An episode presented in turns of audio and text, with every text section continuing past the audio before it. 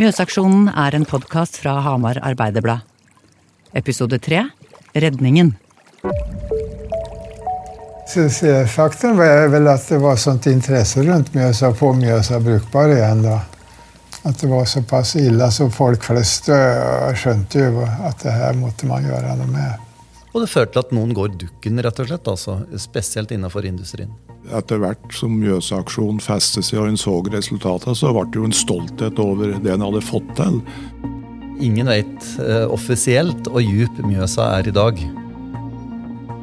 Eh, og ingen vet faktisk hvordan Mjøsa ser ut under vann. Gjennom 50- og 60-tallet hadde Mjøsa blitt mer og mer forurenset. Og i starten av 70-tallet fortsatte det i feil retning. Kom i 75-76, da fikk vi så mye problem med Mjøsa at det lukta. Mjøsaksjonene på 70-tallet reddet Mjøsa. Men det skulle vise seg å være midlertidig. Innsjøen kunne ikke redde seg selv. Og dette er historien om hvorfor.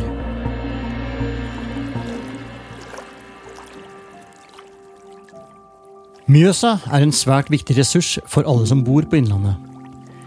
I de tidligere episodene har vi fortalt om hvordan dette området ble befolket. De levde av fiske, drakk vannet og etter hvert dumpet avfall i den dype innlandsfjorden. Da det moderne Norge vokste fram etter andre verdenskrig, førte endringer i produksjon til at Mjøsa fikk tilsatt økte mengder av fosfor og nitrogen. Det var et sammensatt bilde, hvor både landbruk, industri og innbyggere bidro til ubalansen. Sommeren 1969 kom forurensningen ut av kontroll, og under 70-tallet ble det klart at Mjøsa ikke kunne redde seg selv. Den lille og store Mjøsaksjonen ble satt i gang, og det ble en suksess. Vi var vel oppe i 450 tonn fosfor årlig i Mjøsa. Og så ble det vel satt et mål om det skulle redusere det ned til 170. Og i dag så er vi kanskje nærmere 150 tonn. Ja, som kanskje er det som også er det normale for Mjøsa. Du hører Ole Nashaug, tidligere ansatt hos NIVA, og en av de som var ansvarlige for målinger og oppfølging av kommunikasjonsarbeidet under de to Mjøsaksjonene. Men hva tenker han om suksessen i dag? Den lille Mjøsaksjonen var en, stort sett en planleggingsfase. Det gjaldt eh, disse interkommunale selskapene som da hadde planlagt i den perioden. Og så fikk vi realisert selve renseanleggene i neste periode, ja. ja. Så det skjedde en god del både på Gjøvik og Hamar og Lillehammer i forkant av den store Mjøsaksjonen. Konsekvensene av etableringen av disse renseanleggene lot ikke vente på seg. Særlig når vi begynte å få effekter av disse første renseanleggene. For da fikk vi stoppe vaskemidlene fra Hamar, Gjøvik og Lillehammer. Da merker vi en umiddelbar reaksjon i Mjøsa. Så at dette var sentralt knyttet til vekstforholdene for algene, helt klart. Ola Gillund var ansvarlig for oppfølging av landbruket under den store Mjøsaksjonen. Jeg spurte han hva som var det viktigste tiltaket bøndene gjorde, og grunnlaget for at dette ble suksess. Nei, da bygde de større gjødselkjellere. Og det var jo en, en, viktig og en ganske investeringskrevende prosess i, i Mjøsaksjonen. Og for å få til det, så ble det etablert en god ordning med lån og tilskudd. Så det er vel den beste ordningen som har vært i forhold til oppryddingstiltak i Norge, tror jeg. Bøndene fikk 60% tilskudd for å utbedre gjødselkjellerne sine. Og 40% lån i Landbruksbanken, så det var for en fullfinansiering, da. Landbruket gjorde sitt, men industrien måtte også bidra. Så hvordan ble reguleringer, omstillinger og investeringer mottatt? Og var dette like lett for alle? Jeg spør direktør Arne Julser Berg ved Mjøsmuseet. Eh, Mjøsaksjonen i forhold til næringslivet, da, bønder og industri, er et ganske stort inngrep i, i deres øh, øh, frie næringsvirksomhet. Og, og som er ganske dramatisk. Fører til store investeringer og omstillinger. Og det fører til at noen går dukken, rett og slett. Altså, spesielt innenfor industrien. Noen bedrifter gikk konkurs. Men hva var årsaken til det? Norsk institutt for by- og regionsforskning driver med forskning og utretningsarbeid. Og de kom i 1999 med en rapport om miljøverntiltak og økonomiske situasjonen under Mjøsaksjonen. Hovedprinsippet for tiltakene var at den som forurenser, betaler tiltakene. Og dette gjaldt bl.a. brenneribransjen, treforedlingsbransjen og potetindustrien. Rapporten konkluderte med at alle bedrifter fikk problemer med å tilfredsstille de nye konsesjonskravene. Rensekravene grep direkte inn i bedriftenes produksjon, med installasjon av renseanlegg, eller at de måtte legge om hele eller deler av produksjonsprosessen. Men de tre viktigste forholdene som påvirket bedriftenes evne til å bidra i aksjonen, var bedriftens størrelse i antall ansatte. Små bedrifter slet, store bedrifter klarte seg. Så var det bedriftens kobling til bransjeorganisasjonen. Fordi dette ga nemlig tilgang på kompetanse og forståelse i den situasjonen de hadde havna. Og til sist bedriftens evne til å håndtere investeringer med egenkapital. Men hva med den politiske analysen? Jeg spurte like gjerne tidligere finansminister, fylkesmann og Ap-topp Sigbjørn Johnsen om dette. Og, Dette var jo en, stor politisk sak, altså, eh, men det var liten strid om den i den forstand i, Stortinget. For eh, alle skjønte jo at eh, Norges største ferskvannsressurs kunne ikke bli ødelagt. Som vi fortalte i forrige episode, var Arbeiderpartiet både i regjering, hadde Miljøverndepartementet og styrte samtlige kommuner rundt Mjøsa. Og blir dette da en form for politisk konsensus? Og vil det være like lett i dag? Jeg spurte Arne Julsrud Berg. Så det er jo en sånn politisk partimessig konsensus om å gjennomføre Mjøsaksjonen med eh, Arbeiderpartiregjering. Så det er, det er, jo en litt enkel struktur i forhold til det vi har i dag. Da en må forhandle i eh, omfattende koalisjoner både her og der. Da. Så kanskje kan det være en litt av forståelse for at eh, dette politisk gikk såpass greit som det faktisk gjorde. I dag tenker jeg at det, dette ville ha vært mer kontroversielt å si at vi ofrer industribedrifter og arbeidsplasser for å gjennomføre en miljøaksjon. Hva gjør en slik eh, suksess med det politiske miljøet? Etter hvert som Mjøsaksjonen festet seg og en så resultatene, så ble det jo en stolthet over det en hadde fått til. Men samtidig så eh, er jo noe av det fineste i det norske folkestyret er jo at eh, når viktige ting skal gjøres, store ting skal gjøres, så det, har, vi, har, vi, hatt en evne til å jobbe på tvers av partilinjer for å få gjort jobben. Det, øh, og det er mange eksempler på det. Og Mjøsaksjonen var jo òg en slags felles løft for det politiske Norge. Mjøsaksjonen ble et samarbeid mellom politiske partier, privat næringsliv i ulike bransjer, landbruk, offentlige institusjoner og forskningsmiljøer, tre fylker og over 30 kommuner. I tillegg fikk man et enormt engasjement blant lokalbefolkningen og en husmoraksjon som endret historien. Som når stormen har roet seg. Hvordan organiserer man den videre overvåkingen? Hvis Vassdragsforbundet ble etablert i 2003, og det var også å drive med overvåking. Du hører stemmen til Odd Henning Stuen. Han er daglig leder for Vassdragsforbundet. Og nå skal vi høre litt mer om hva de driver med. Eh, ideen er jo rett og slett at alle som har interesser til ei rein Mjøsa, til rent vann, alle som kan tenkes å påvirke Mjøsa, i grunn av alle brukerinteresser, skal sitte sammen rundt samme bord og diskutere bruk og forvaltning og miljøtilstand som en ønsker å, å ha i, i innsjøen. Da. da er det jo spennende å høre med Odd Henning om han tror alt ser bra ut. Norge vet du, har jo sagt at de er fornøyde hvis de fornyer ledningsnettet i kommunene med 1 årlig. Da betyr det at da tar det 100 år å komme rundt, og da er det bare å begynne på. At det er et sånn evighetsprosjekt. Og som vi vet fra Mjøsaksjonen, så ble det gjort en god del tiltak med nybygg for bøndene. Men hvordan er tilstanden for disse tilbyggene i dag? Det har jo rukket noen siloporter. Eh, sier i seinere år, og det er klart det er snakk om betong som tæres på, det er snakk om eh, fester av portene som eh, begynner å bli gamle. Eh, det er som om er i private avløpsanlegg. Det er mange som som trenger utskifting. Og det, det, er en kostnad. Det, det svir på pungen for uh, oppsittere innbyggere i kommunene. Og dessverre, eller kanskje naturlig, så merker en jo da noen ganger at politikere kvier seg for å gi de eh, påbuda om utbedring. Til slutt vil jeg gjerne høre med Odd Henning om det er noen farer som vi kanskje ikke tenker på. Andre ting som òg skal på fokus i Innlandet, det er jo det med mikroplastikk. Hvor ikke minst byene, byområden, bidrar med dette ut i Mjøsa.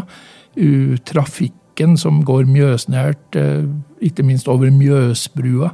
I området der finner de jo mye av dekkslitasje og, og vei, bilslitasje. Så ja da, ja da. Så dette er jo eh, dokumentert i rapporter, men det har heller ikke vært avskrekkende verdier.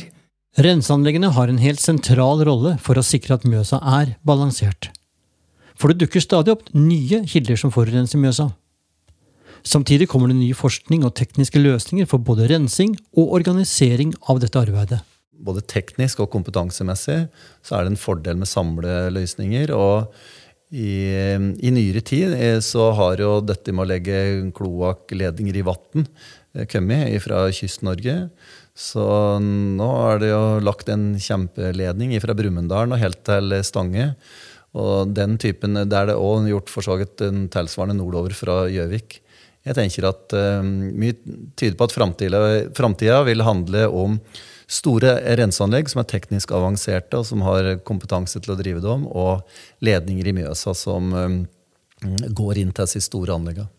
Jeg fikk lyst til å høre også hva Sigbjørn Johnsen tenkte om eh, organiseringen av renseanleggene.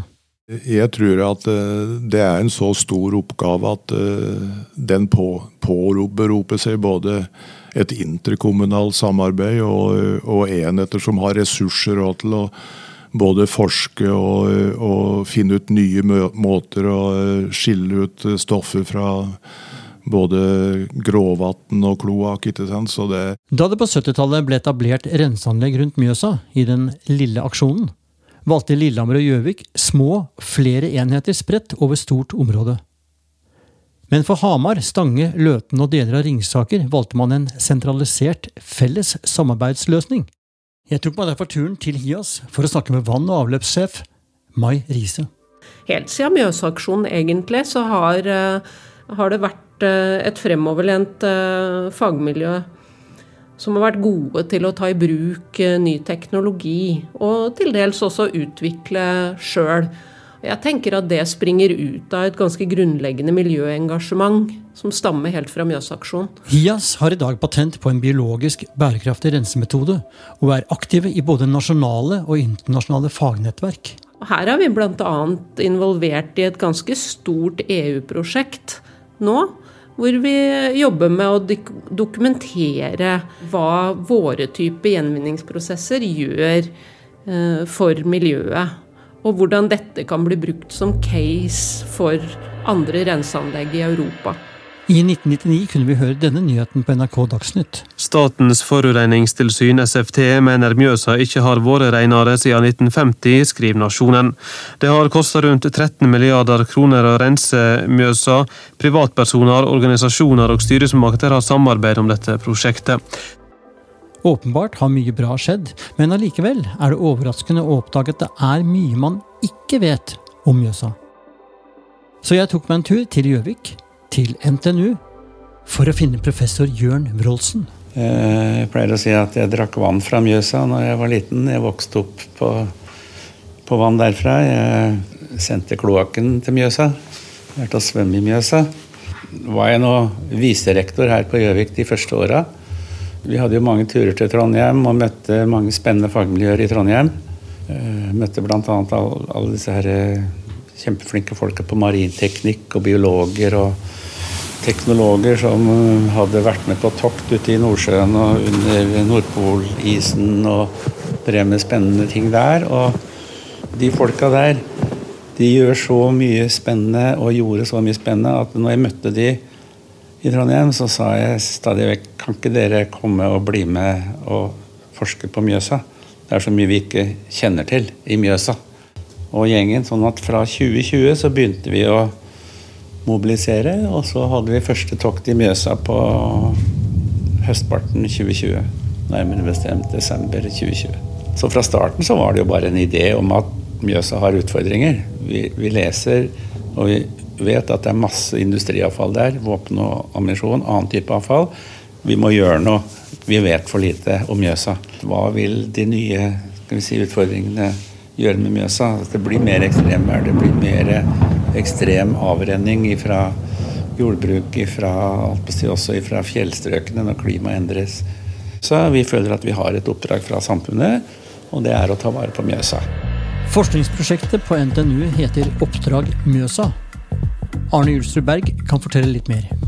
Ja, Det er et stort værvitenskapelig forskningsprosjekt eh, som er initiert fra NTNU. Eh, som går på seks forskjellige forskningsløp for å finne ut mer om Mjøsa. Altså, det er noe så enkelt at eh, ingen vet offisielt hvor djup Mjøsa er i dag. Og ingen vet faktisk hvordan Mjøsa ser ut under vann. Altså, vi har ikke et skikkelig dybdekart. Og så er det jo En av de største truslene er jo klimaendringene. Og på hvilken måte påvirker klimaet Mjøsa? Og skjer med, med fisken? Og hva slags forurensning har vi? Hva slags trussel er det? Og det Mjøsa er drikkevannskilde for 150 eh, 000 innbyggere.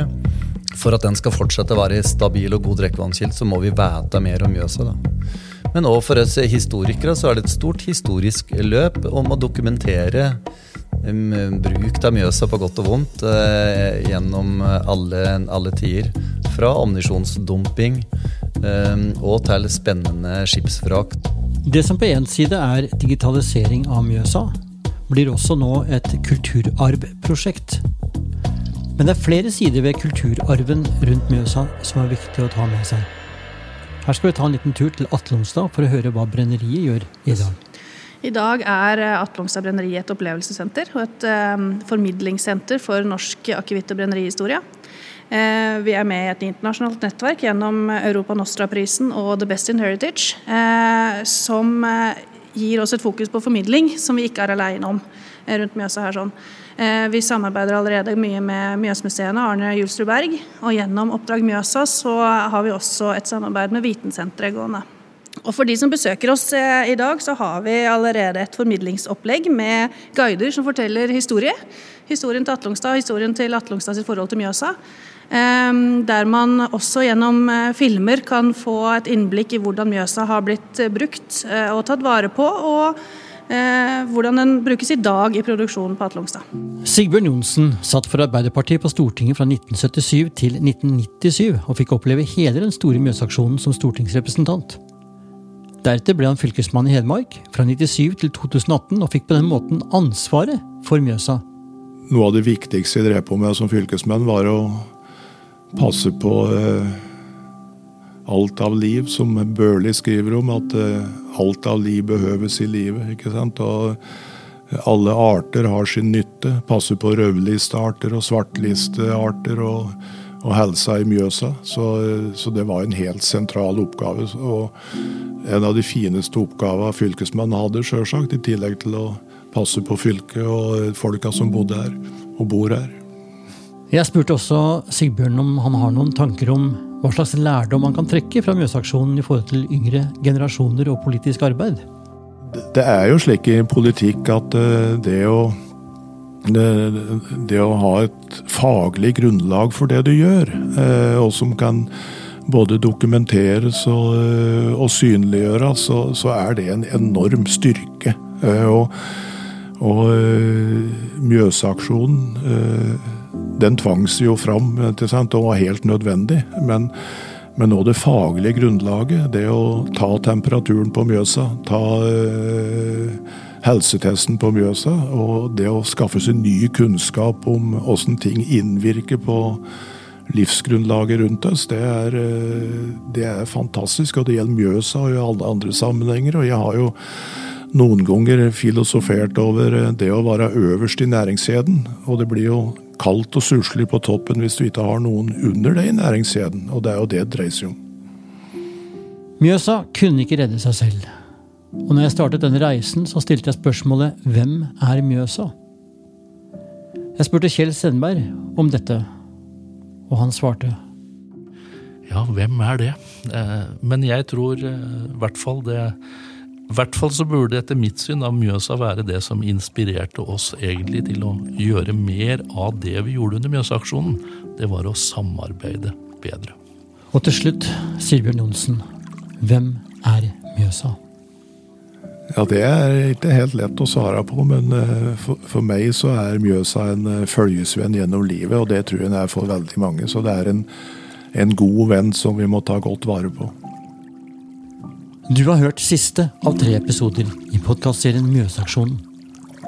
Dette er en podkastserie fra Hamar Arbeiderblad, laget av Lage Tune Myrberget for Storyphone og Fabelaktiv. Du har hørt arkivopptak fra NRK og Statsforvalteren, og du finner flere podkaster der du lytter på podkast.